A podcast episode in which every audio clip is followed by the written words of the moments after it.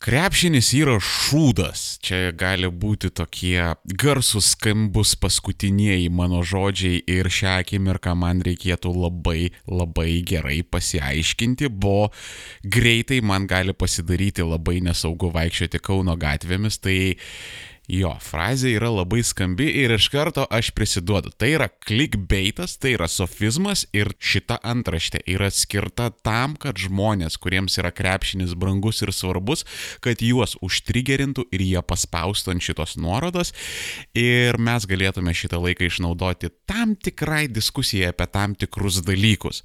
Tai iš principo, šiaip toks nu, nedidukas off topicas, aš kaip ir prieš tokius dalykus, kaip ten clickbaitas, kaip visokie topai, kaip ten šok kontentas ir panašus Filadelfijų naudojami sofistiniai šūdai, aš labai prieš kažko juos neturiu. Tik tai yra vienintelė sąlyga, kada tu prisiduodi ir sakai, taip aš dabar naudoju sofizmą, taip aš dabar klikbeitinu, taip aš dabar jumis manipuliuoju. Kada tu prisiduodi, mano knygoje viskas čia yra kuo geriausiai, bet kada tu ten vaidini, supranti labai super objektyvų ir čia supranti, ne mes jokiais klikbeitais neužsiemam, kaip dažnai kartais iš Delfio pasigir, kaip dažnai kartais, dažnai kartais jo mano turbūt logikos dėstytoja labai džiaugiasi. Tai žodžiu, žodžiu, kaip dažnai kartais iš Delfio pasigirsta tokių nesąmonių.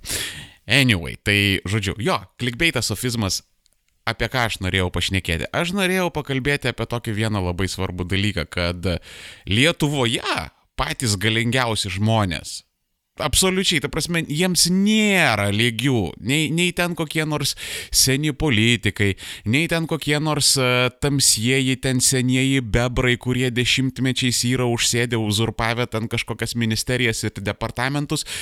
Net šitie nesilygina su ta gale ir įtaka, kokią Lietuvos visuomenė turi garsus krepšininkai. Ta prasme, ten kaip nuo žasies vanduo. Aš, aš nesuprantu, kodėl po šiai dienai oligarchai jų nesamdo kaip asmenų atstovauti jų verslus. Ta prasme, MG Baltikas. Jeigu vietoj Kurlenskio jūs būtumėt Sabonį pasiuntę, Tai aš manau, nei prieš jūs ten bylas būtų atidarinėję, nei per daug jūs ten smerkė ir viskas kuo gražiausiai turbūt būtų pasibaigęs, nes, nu, tai yra fucking Sabonis. Sabonis gali viską. Labai labai konkretus pavyzdys Šarūnas Marčiulionis. Tarkim, 88 metais, čia buvo, man atrodo, 70-osios vasario 16-osios akto minėjimas, 88 metais jisai išstojo su atviru laišku, smergdamas sąjūdį, smergdamas Lietuvos tos okupuotos, vargšės, ruso pagrobtos Lietuvos siekius atgauti Lietuvą. Ja, Lietuvos, nu, suriukas tautologijai.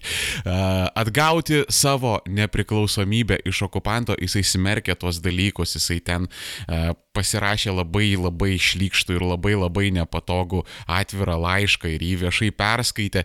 Ir apskritai toksai laiškas, tokie dalykai, kokius jisai šnekėjo 88 metais, bet kokiam kitam žmogui šiais laikais būtų užbaigęs karjerą sakau, nesvarbu, ar jisai būtų buvęs oligarkas ar politikas, jam būtų šakės, jeigu toksai laiškas būtų išlindęs į viešumą. Bet kada tai yra apie Marčiulionį, tai žiūrėkit, neskubėkim teisti, o gal jisai ten persigalvojo ir va šiaip, va jisai lygtais norėjo išvažiuoti į NBA ir va jam reikėjo būti geram ir prisigerinti prie centro komiteto ir visa kita. Ir taip aš šituos argumentus kuo puikiausiai suprantu, bet klausimas, klausimas, ar mes tokį pasitikėjimo mandatą būtume davę bent kitam kokiam nors žmogui. Išskyrus kitą garsų krepšininką. Aš labai abejoju dėl Marčiulionio mes galim lenkti toliau pirštus. Uh, jisai iš Lietuvos lydės patepė pirmas, man atrodo, dar jisai 89 metais į NBA išvažiavo, ne? Uh, toliau jisai 2014 metais buvo apie Ukrainą ir Krymą nelabai fainų dalykų priešnekėjęs. Taip, jisai ten tokią labai demokratišką kalbą vartojo, bet turint omenyje, kad tuo metu buvo toksai iššokęs verslininkas Kaikaris, kuris daugiau mažiau mažiau panašius dalykus šnekėjo, ką Marčiulionis gal čiut čiut riebiau, gal čiut čiut griežčiau, gal čiut čiut ne taip diplomatiškai kaip Marčiulionis, bet taip grubiai generalizuojant, panašus dalykai buvo. Ir vėlgi, nuo Marčiulionio kaip nuo žasies vanduo, kai kari ten visi užsipuolė iš visų pusių. Vėlgi, aš nesiveržiu vertinti, ar gerai, ką jie pasakė, ar blogai, ką jie pasakė. Galų gale mes gyvename liberalioje demokratijoje, Europos Sąjungoje ir žmonės viešame eteryje gali šnekėti dalykus tokius, kokius nori. Tačiau kai kariui buvo šakės, kai kari draskė į gabalus, Marčiulioniui viskas normaliai. Toliau. 11-12 metai. Marčiulionis ieško ateivių, Marčiulionis ruošiasi pasaulio pabaigai, jisai apskritai tenais tiki ateiviais, jis apskritai tiki ten siaubingais, keistais pseudomokslais. Vėlgi, visiems yra nusispjauti. Jeigu ten koksai nors, žinai, kepenis išeina su tokiais dalykais ir ten pareiškimais į viešumą, o Jėzus Marija, žinai, atimkit pasą, uždarykit ten į Guantanamo bazę ir neišleiskit niekada gyvenime. Kada Marčiulionis apie tai išneka, viskas yra ok. Tada galiausiai 2019 m. Europarlamento rinkimai. Marčiulionis eina reiškia, kartu su Karbauskiu, išsikelia į Europarlamentą ir tada užleidžia savo vietą, žinai, Jekeliūnui. Ir taip Jekeliūnas yra blogas, taip Jekeliūnas yra nestabilios psichikos Karbauskio lenciūginis šuo, okei, okay, viskas tvarkoj su tuo Jekeliūnu, bet vad kažkaip Marčiulioniui buvo vienas kitas priekaištas, nu, ištraukė kažkas tos jo senuosius įrašus, ką jisai tenais 88 metais šnekė, bet vėlgi, tipo, žinai, viskas pakainiai, viskas gerai, ne? Ir sakau, dar kartą pakartoju šitą dalyką, nes daugam tai yra labai sunku priimti, kad jeigu tai būtų kitas žmogus, išsakęs tokius dalykus, tie argumentai, kad va aš norėjau užvažiuoti į užsienį, kad va ten būtų iš manęs valdžia atėmus ten mano kokius nors būtus, ten rentas atlyginimus ir būčiau turėjęs problemų, galų gale mane privertė. Kitam žmogui, in general, šitas argumentas būtų nepravažiavęs, bet kadangi Marčiulionis yra garsus krepšininkas, viešpatie Kristau visada prašom. Kitas dalykas, nuostabėjai broliukai Lavrinovičiai, ta prasme, uh, už ką aš myliu krepšinį, tai uh, jeigu nebūtų buvę Lietuvoje krepšinio ir broliai Lavrinovičiai, kokie ten palaukiau vardai, Darijušas ir Darijušas, ne, abu du Darijušai Lavrinovičiai, jeigu jie nemokėtų žaisti taip gerai krepšinio, kaip jie moka žaisti, jie turbūt ten, nežinau, maksimai paletės krautų, griovius kastų, nes, nu, ta prasme, kai tu paklausai tų žmonių šnekant, nu, jau man atrodo grinai klausant jų kalbos, tai mano tokia subjektyvi nuomonė, kad ten žmonės yra su visiškai dviženkliu intelekto koficijantu ir jau tokie flirtuojantis su silpna protystė. Dar ne, bet nu taip, žinai, kokia viena kita smegenų trauma ir jau būtų. Tai šitie abu krepšininkai, kurie periodiškai gauna apdovanojimus, šitie krepšininkai, kuriuos rodo reklamose, Šitie krepšininkai, apie kuriuos rašo stilius ir žmonės ir rodo televizoriuose, kaip jie gražiai ir ten sėkmingai, harmoniškai gyvena, Nepamirškim, kad jie yra sėdėję po ten kažkiek keletą metų, aš dabar tiksliai neatsimenu, bet žodžiu, jie yra pasėdėję už grupinį nepilnametės įžaginimą. Ne, nu ir vėl aš tą argumentą suprantu, kad žiūrėk, nu mes gyvenam teisiniai valstybei, žmonės savo bausmę atbuvo ir tai yra duoklė visuomeniai kaip ir atidavė ir neteiskim. Uh, duokim jiems išpirkti savo kaltę ir apskritai su ta istorija buvo ne viskas aišku, nes a, juos apkaltinusi mergina iš pradžių apkaltino, po to atsijėmė parodymus, po to už vieno apsiženijo, po to a, a, aiškino, kad jai krepšinio klubas buvo sumokėjęs keliolika tūkstančių litų, kad jinai pakeistų parodymus, galiausiai ten buvo kažkokių keistų istorijų, kai jinai ten susidėjus irgi su kažkokiais sugalovnikais ten prie primalavo kažką teismui. Žodžiu, kad yra pagristų klaustukų dėl jų teistumo.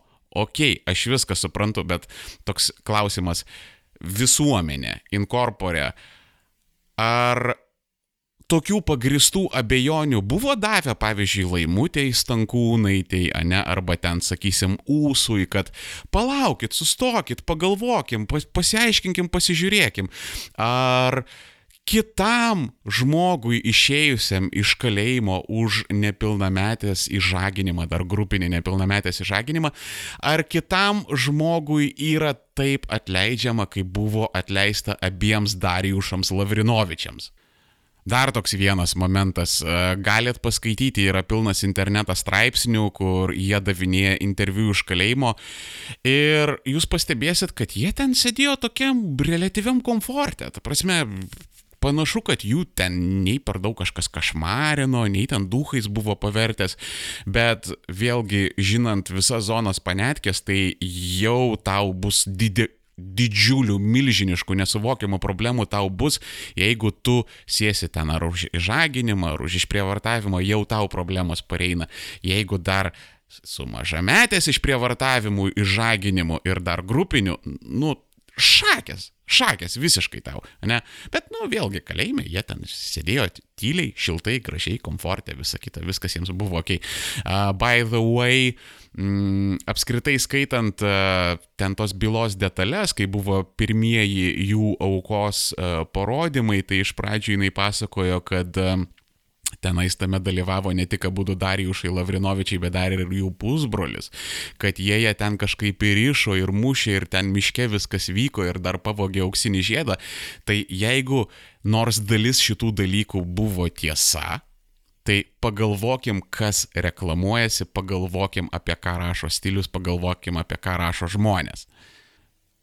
Žiūrėkit, dabar viniojam toliau. Atsimenat mano epizodą apie Lytaus gaisrą. Ant ko aš labiausiai pykau? Kad tie šimtai ar kiek tenais jų buvo gaisrininkų, Valstybė jiems negalėjo surasti net milijono euriukų, kad sukrapštytų ant kažkokių adekvatesnių premijų, kad tuos ten keturių, penkių ar tai šešių šimtų varganos euriukų premijos buvo sumestos realiai žmonių, kurie aukojo kas kiek galėjo, kam kiek buvo negaila. O valstybė jiems pinigų nesurado. Dabar apverskim šitą situaciją su krepšininkais. Dauguma garsių krepšininkų, jie ištisai gauna apdovanojimus. Net ir finansinės premijas jie ištisai gauna ten po keletą tūkstančių eurų, nežiūrint į tai, kad daugybė jų yra tikrąją to žodžio prasme milijonieriai. E, daugybė jų ten gauna įvairias rentas, e, visokiausias lengvatas turi. E, žodžiu, mums krepšininkams negaila nieko iki pat tokio lygio, kad Kaune buvo pastatyta Žalgirio arena už kažkur tai plus minus 50 milijonų eurų, pataisykite, jeigu aš klystu, bet žodžiu, buvo pastatyta Žalgirio arena už mokesčių mokėtojų pinigus ir visiškai rame širdim, absoliučiai, net nesusimastant, tai buvo atiduota Kauno Žalgirio krepšinio klubui. Ta prasme, jūs jaučiat skirtumą, kada mes gaisrininkams didvyriams negalim sukrapštyti ant adekvačių piniginių apdovanojimų ir premijų, bet arena už 50 lemų tai net nesusimastė, net nemirktelėje kažkokiam krepšinio klubui atiduodam.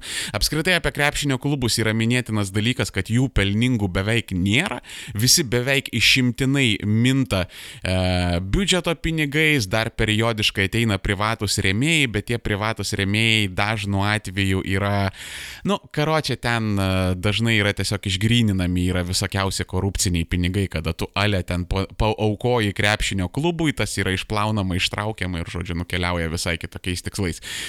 Didžiaja dalimi krepšinis yra finansuojamas vėlgi iš mūsų kišenės. Dabar žiūrėkit, labai labai svarbus dalykas. Aš nenoriu pasakyti, kad krepšinį finansuoti yra blogai. Aš šito nesakau ir nesakysiu. Aš nežinau, ką finansuoti yra geriau, ką yra blogiau, nes valstybė yra toksai komplikuotas ir sudėtingas mechanizmas, kad tu kažkur kažką ten kokį nors dantratį pajudinęs, tu gali tenais kitam gale turėti tokį siaubingą efektą, kad srėpsi tai ištisais dešimtmečiais po to. Tai, žodžiu, aš nenoriu pasakyti, kad čia nereikėtų to sporto finansuoti, kad sportas yra blogai, bla bla bla bla bla bla.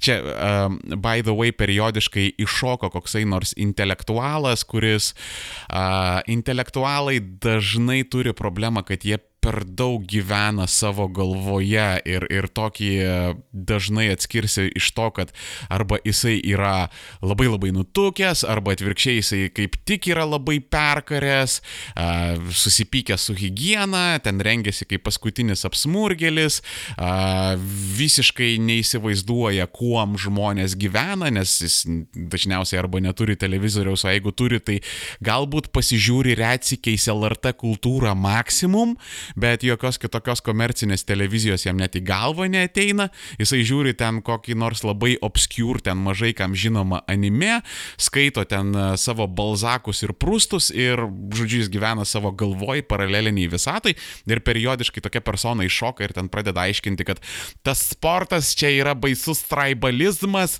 nereikia jo finansuoti, geriau skirkim tos pinigus ten vaikučiams, kačiukams ar ten išsilavinimui ar medicinai. Tai žiūrėkit, um, čia vad kažkada mes su Kuodžiu šnekėjomės apie tai ir kad kai kurie dalykai egzistuoja ir pats faktas, kad jų visuomenė dar nėra atsisakiusi, vadinasi, ta institucija turi kažkokią vertę. Ir pats iš savęs sportas jisai man tai yra labai svetimas dalykas, aš nesargu už jokias komandas, aš nežiūriu ten jokių krepšinių, aš nežinau ten, kur ten koks krapikas, kokioje olimpiadoje, kiek ten kokių įvarčių yra įmušęs. Man, nu, visiškai vienodai šviečia šitie dalykai. Tikrai aš esu nuo to labai atitrūkęs, tolimas ir, žodžiu, aš esu toksai. Ir aš savęs nelaikau nei ten geresnių ar blogesnių uh, už tuos, kurie ten žiūri sportą. Bet Sportas, mano nuomonė, jisai turi tokią vienijančią funkciją, kad tai yra ko gero vienintelė terpė, kurioje E, sustoja į vieną eilę, gali už bendrą tikslą sirgti ten ir kairieji, ir dešinieji, ir liberalai, ir marginalai, ir populistai. Tai sportas pats iš savęs jisai turi tam tikrą vienijantį dalyką. Nu ir galų gale tai yra aksioma. Nu, ta prasme, sportas yra sveikata, e, sveika ten plaukiot, bėgioti ir ten daryti visokius kitokius dalykus. Ir tai kaip ir skatina tą e, sveiką gyvenseną. Tai kaip ir pats iš savęs tai nėra visiškai blogas dalykas. Ir aš suprantu, suprantu, kad daugybė žmonių tai yra labai svarbus dalykas, bet klausimas yra ne tame, ar reikia finansuoti tos krepšininkus ir sportą apskritai, bet klausimas yra tame, kodėl, kada reikia mokytojams,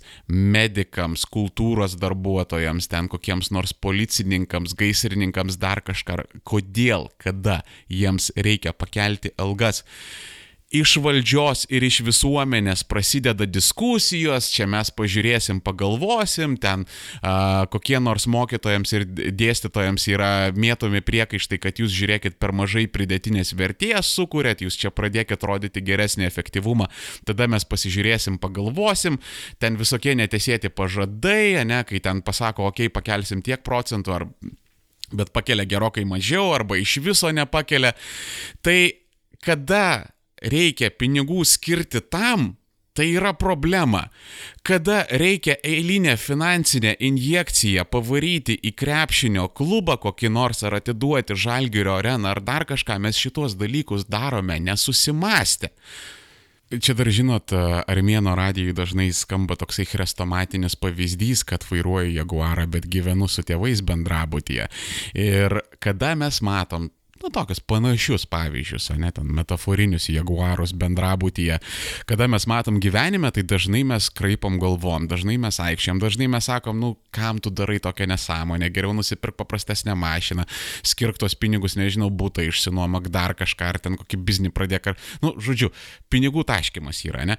Ir tada man toks, žinai, natūralus klausimas, ar pinigų skirimas visiškai aklai, visiškai nesusimastant ten įvairiems krepšinio klubams, patiems garsiems krepšininkams ten apdovanojimai, rentos ir panašus dalykai, ar tai nėra tas pats jaguaras prie bendriko? Ar čia nėra pinigų švaistimas, kurių tu neturi, nes mūsų biudžetas yra labai labai mažas. Mes viešoms paslaugoms galim skirti labai labai mažai pinigų ir čia jau visi žino tas statistikas, kad Lietuva ten Europoje perskirsto be ne mažiausiai, kad Lietuvos tenais e, biudžetas yra be ne mažiausiai Europos Sąjungai, bla bla bla, whatever, whatever. Visus šituos dalykus mes jau esame girdėję, matę ir žinom. Dar toksai yra įdomus momentas, kad a, daugybei krepšinio klubų net ir per krizę nenutrūko finansavimas. Kai kuriems sumažėjo, kai kuriuose savivaldybėse tai buvo rimtos problemos, bet bendrai paėmus, jisai nesumažėjo, nes pas savivaldybės yra tam tikri kompleksai, kad vat, tu būsi prie bahūrų, va tu jau esi, žinai, normali savivaldybė, kada tu turi savo krepšinio komandą. Todėl mes ten turim kažkokias ten, nežinau, ten dzukijas, lietkabeliai, ten gargždų bangos, ar ten velniai žino, kokie, kokie ten pavadinimai, kažkokias ten outsiderių, ten tos krepšinio komandos yra ir, ir jos dažno atveju yra gyvos vien tik tai dėl to, kad vat pas savivaldybė yra kompleksai, savivaldybė nori būti prie bahūrų ir kartais būna toks absurdas, kad ateina sunkmetis ir savivaldybė viešas paslaugas pjauna visiškai ramiai net nesusimašius, bet jau krepšinį tai jau mes paskutinį liesim, atleiskit vyrai. Ir čia yra kaip ir ta viena dalis diskusijos, kodėl mes viską leidžiam garsiesiems krepšininkams. Nes Lietuvoje jie yra vos ne kaip tie išlepinti supermamyčių vienturčiai vaikučiai, kuriems viskas yra leista. Jie gali daryti, ką nori šitam gyvenime ir nieko jiems nebus. Tai čia yra pirma dalis. Antra dalis yra tokia. Krepšinis yra iš tiesų Lietuvos sėkmės istorija. Paaiškinsiu kodėl. Mes esam maža valstybė su labai maža populiacija, su mikroskopiniu BVP, kad ten lyginant, nežinau, su kokia nors Vokietija, tai turbūt Vokietijos parlamentas daugiau ant savaržėlių išleidžia, negu mes BVP turim. Tai mikroskopinis BVP. E, mes neturim didelio intelektualinio potencialo, nes, nu, savaime suprantami dalykai, ta prasme, okupacijos metu visas tautos žiedas arba turėjo bėgti, arba ten jų kaulai supuvo kur nors vidurinėje Azijoje arba prie Laptievo jūros, ne? Tai mes praradom didžiulį intelektualinį potencialą, mes esam pakankamai maži, periferiniai, nereikšmingi. Tačiau pastaruosius 30 metų, net ir daugiau, nes e, berots tais pačiais 89 metais pirmasis Šarūnas Marčiulionis iškeliavo į NBA. Tai daugiau negu 30 metų Lietuva turi krepšininkų NBA. Tai yra pačioj kiečiausioj pasaulio krepšinio lygoje, kuri yra visų kitų krepšinio lygų didžiulis pavydo objektas ir visi tenais nori žaisti ir jeigu tu tenais pažaidai, tai tu esi tikrai labai rimtas sportininkas. Pastaruosius 30 metų mes turim tenais žmonių, turint omenyje, kad pas mus nei pinigų, nei infrastruktūros, nei kažkokio rimto intelektualinio mokslinio potencialo, bet mes vis dėlto siunčiam tenai žmonės. Tai dabar ta antroji dalis. Kodėl mes nesusiprotėjam ir nesugalvojam pasižiūrėti į šitą procesą iš arčiau, kad išsiaiškintume, ar tai yra vienetinis atvejis ir niekur nepritaikomas, ar tai galima kažkaip tiražuoti, ekstrapoliuoti ir pritaikyti kažkur kitur. Nes pavyzdžiui, gerai, e, jeigu jums yra svarbu krepšinis, jeigu jums yra svarbus sportas, jeigu jūsų siela šildo tokie dalykai, kaip kad, kad NBA visada kažką žaidžia, kad Lietuvos krepšinis apskritai tikrai pasaulyje rodo neblogus rezultatus ir kartais tiesiog iš šipulių sumala tokias valstybės, kurie skiria tokius pinigus tam ir nesugeba atsilaikyti prieš lietuvius. Tai ok, jums gali patikti šitie dalykai, jūs galite žinoti apie Lietuvos krepšininkų ten tos didelius pasiekimus užsienyje, viskas yra tvarkoj, bet man toks yra klausimas. Kiek iš jūsų žinote tuos Lietuvos mokslininkus, kurie dirba CERNE prie didžiojo hadronų kolaiderio? Jų yra ir buvo, ir bus, bet kiek jūs pavardžių žinote? Dauguma jūsų galite ten vardinti tos marčiulionius, sabonius, ten pasakoti, kiek jie ten atkavojo kamolių, koks ten rezultatyvumas, visa kita, bet vad CERNas, ne didysis hadrono kolaideris, aš jums galiu prisiekti, kad ten po 20-30 metų nu gerai, gal daugiau, po 50-60 metų tų sabonių ir marčiulionių greičiausiai niekas neatsimins. Lygiai taip pat kaip ir niekas neatsimena tų ten tarpukario krepšininkų, gal ten tik tai vienas kitas. Ir, ir, ir tai labai specifiniai žmonės šitos dalykus atsimena. Tai tų sabonių, marčiulionių, tų kažkokių tenais pergalių aš beveik garantuoju niekas neatsimins. Bet CERNA ir didįjį hadronų kolaiderį, kuris yra didžiausias ir ko gero svarbiausias fundamentalios fizikos eksperimentas pasaulyje, kurį galbūt net šimtmečius į priekį atsimins, lietuviai, kurie prie to dirba šitoje valstybėje, yra beveik nežinomi. Čia vėlgi toksai garsus pamastymas, bet, nu, užduokim tokį retorinį klausimą. Jeigu mums negaila tų daugybės, daugybės milijonų, kurių mes skiriame krepšiniui, nu, paimkime ir keletą šimtų tūkstančių iš ten atplėškime, Vėlgi, garsus pasvarstymai. Ir paskirkime, nežinau, kokiems nors ekspertams, mokslininkams, darbo grupėms, kad jie vad patyrinėtų, kame yra tos sėkmės paslaptis ir ar mes galime tai kažkur pritaikyti. Ir, vad pavyzdžiui, čia neseniai, nu kaip neseniai, gal net prieš porą metų, matyt, vajų, tai a, čia buvo tas idėja Lietuvai, sakysim, pompastiškas išreklamuotas renginys, kuris realiai ir pradėjo Gintano Nausėdos e, rinkimų kampaniją. Nu, žodžiu, tas renginys vyko, mano nuomonė tai buvo absoliutus farsas, nes, nu, realiai susirinko Facebook'ų ten burbulai, tarpusavyje ten kažką pašnekėjo, pasitarė, nu ir ten tipo iškėlė ten tas dvi idėjas, ne, viena iš kurių ten iki kažkėlintų metų pakelti ten tą mokytojo prestižą. Tai iš vienos pusės jo tai buvo farsas, iš kitos pusės, kad nu okei, okay, fair enough, bent jau buvo bandyta padaryti kažkokį nacionalinį susitarimą. Tas susitarimas aišku nepavyko ir greičiausiai nieko su tuo nebus ir padaryta, bet gerai.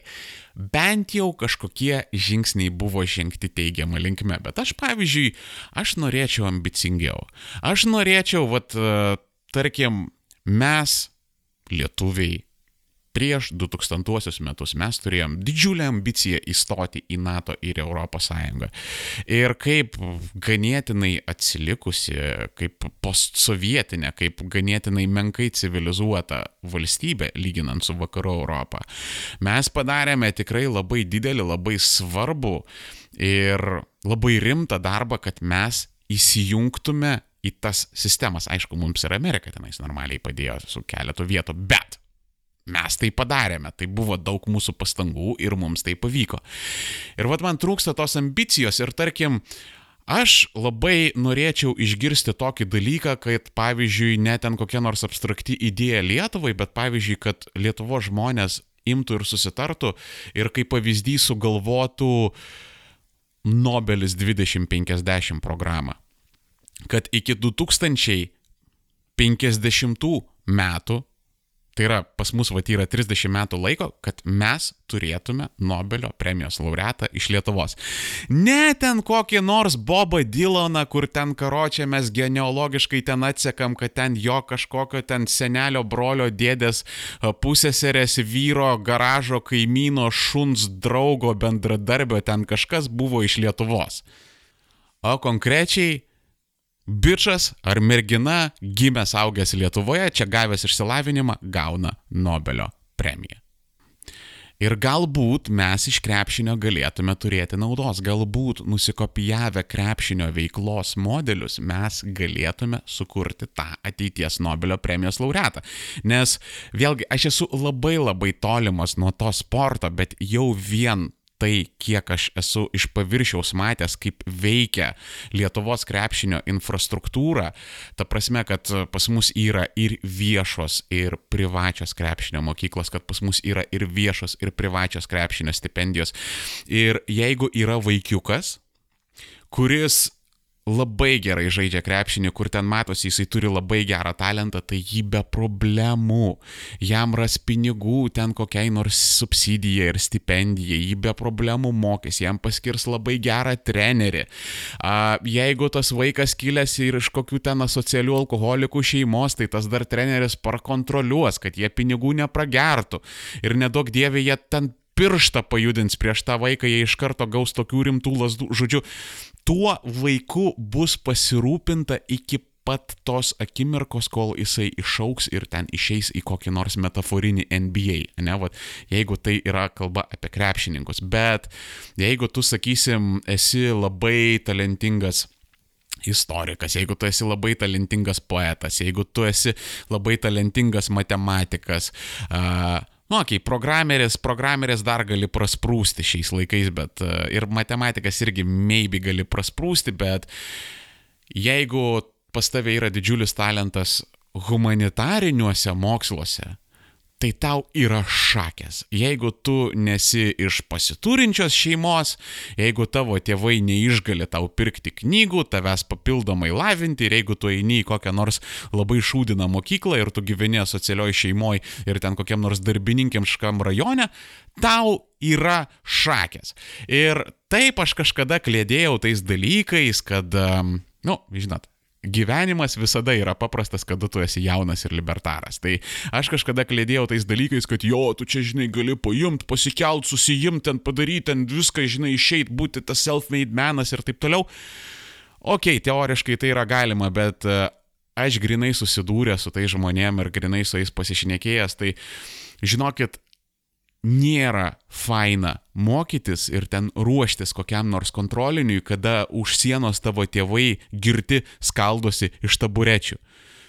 Nėra labai paprasta pačiam ten kažkaip lavintis, ar ten mokytis ten kokio nors verslumo ar panašių dalykų, kai tu antrą ar trečią dieną nes paprasčiausiai nevalgiai, nes tavo tėvai vėlgi pragėrė visus pinigus.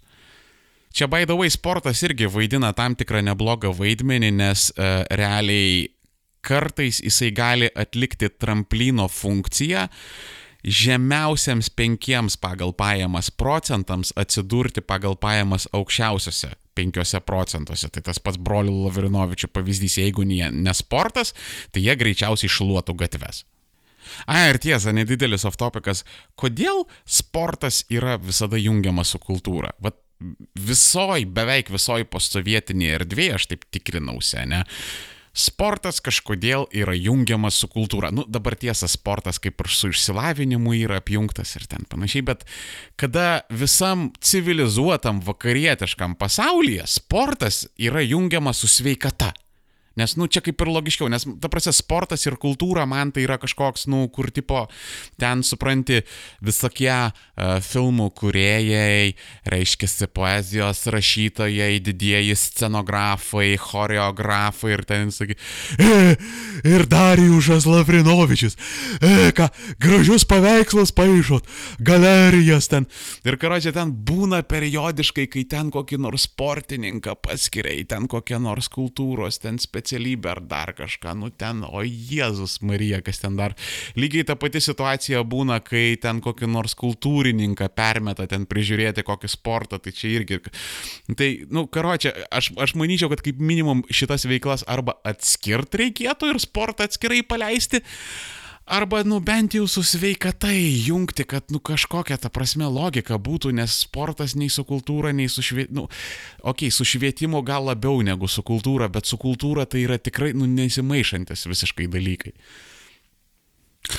Nu ir galiausiai, e, jau mes čia prišnekėjom labai daug, man atrodo, jau čia tikrai virš pusvalandžio įrašas šitas bus, tai galiausiai esminis dalykas. Vat, Krepšinis labai dažnai Lietuvoje yra siejamas su prestižu, taip ir tiesiog yra sakoma, kad krepšinis tai yra Lietuvos prestižas ir tai dažnai yra sakoma net nesusimastant. Sak, ką tie žodžiai reiškia, kokios yra implikacijos. Tiesiog, krepšinis Lietuvos prestižas. Viso, žinai, kaip, kaip geras koksai nors palinukas ten apie Leniną. Atpyliai karočią žirniukus į sieną ir viskas. Gerai, dabar pagalvokim. Prestižas. Kiek jūs žinote turistų, ypatingai turtingų turistų, kurie važiuotų į šalį vien dėl to, kad iš ten yra ten kilę kokių nors gerų sportininkų? Taip, tokių turistų yra, bet tikrai jų nėra labai daug. Ar į, nežinau, ten kokį nors Balį, Maldyvus, ten Siciliją kokią nors, ne? Ar žmonės atostogauti važiuoja dėl tų krepšininkų? Nu, labai abejoju. Kitas pavyzdys, pavyzdžiui, daugybė Afrikos valstybių turi ten labai gerus bėgikus, turi labai gerus lengvaatlečius. Ar nuo to pas juos padaugėjo turistų srauto, ar ten kažkokia... Dė... Ta prasme, prestižas kam, iš ko, ta prasme, ką tas prestižas duoda, jeigu jisai absoliučiai, jeigu jisai apskritai yra. A? Ką tas prestižas duoda, kas iš to prestižo yra mėnesio gale, ar, ar ten man mokesčiai sumažės, ar ten daugiau pinigų piniginėje, ar, ar daugiau užsienio investicijų.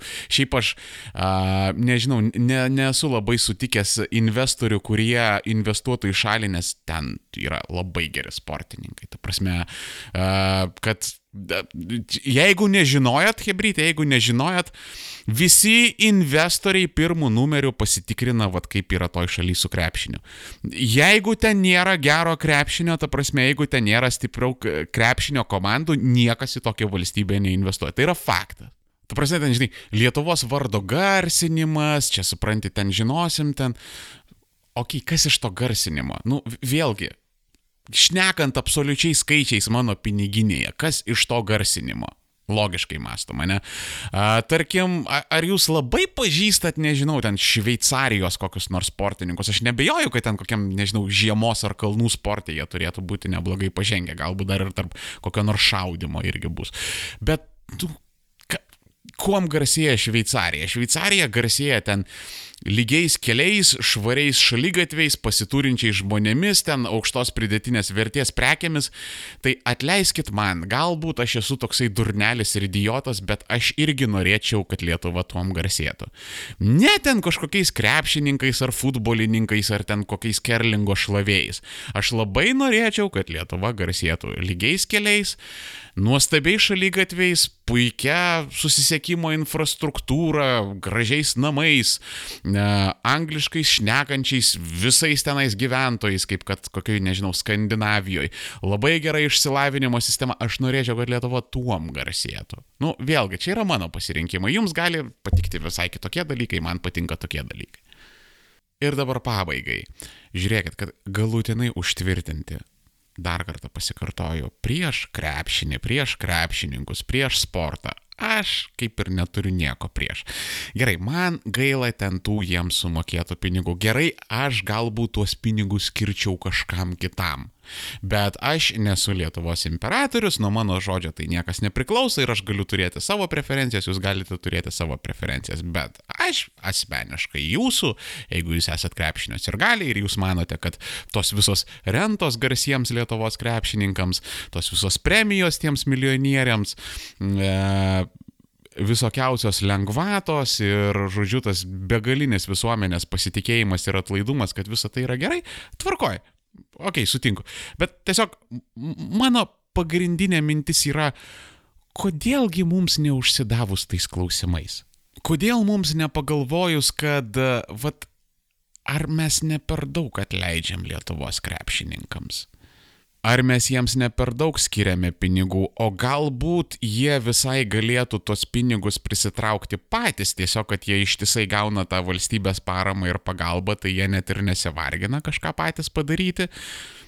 Ir galbūt prisitraukdami patys pinigus, jie galbūt turėtų jų dar gerokai daugiau, negu jų skirtų valstybė. Ir galbūt mes išspręstume čia kažkokiu... Žodžiu, esmė šito pokalbio yra pradėti kažką vat klausinėt, pradėti kažkokį dialogą, kur šitas dalykas nuves, ten nuves, viskas tvarkoj, bet aš labai nemėgstu, kada yra kažkokios vat temos, kažkokie dalykai, apie kuriuos yra nešnekama. Ta prasme, kur tokie, žinai, Voldemortai, kurių minėti negalima. Aš manau, kad galima reikia ir būtina, nes tik tai brandžios valstybės yra pajėgios šnekėti apie viską, kas pas juos vyksta. Ir tik tai visokios atsilikusios tos, kaip Trumpas kažkada sakė, shithole countries, tai dažniausiai čia yra jų bruožas, kad jie labai vaikosi kažkokio metaforinio prestižo, kad jiems labai svarbu, kad juos ten kažkur užsieniuose paminėtų ir atpažintų.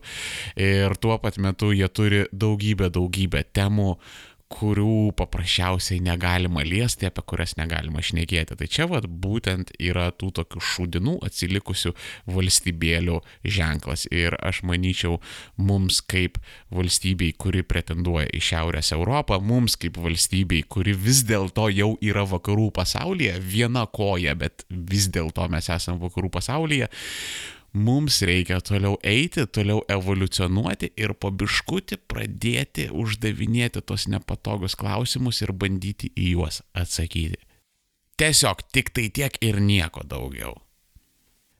Vienu žodžiu, ir taip aš čia visus jūs užlaikiau, Ačiū visiems, kas manęs klausėte, ačiū visiems, kas buvote su Armėno radiju. Ypatingai, ypatingai didelis ačiū tiems, kurie remiate Armėną per Patreoną, nes tik jūsų dėka šitas podcastas gyvuoja, gali plėstis, gali daryti kažką naujo.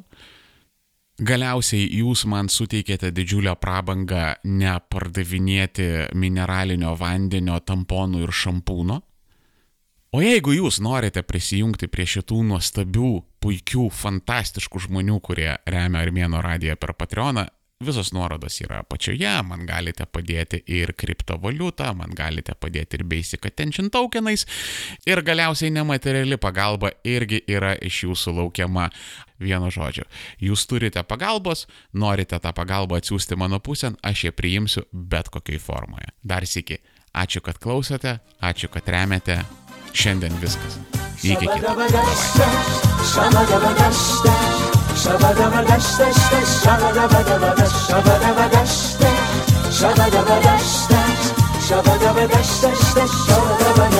سیراخچیک این چه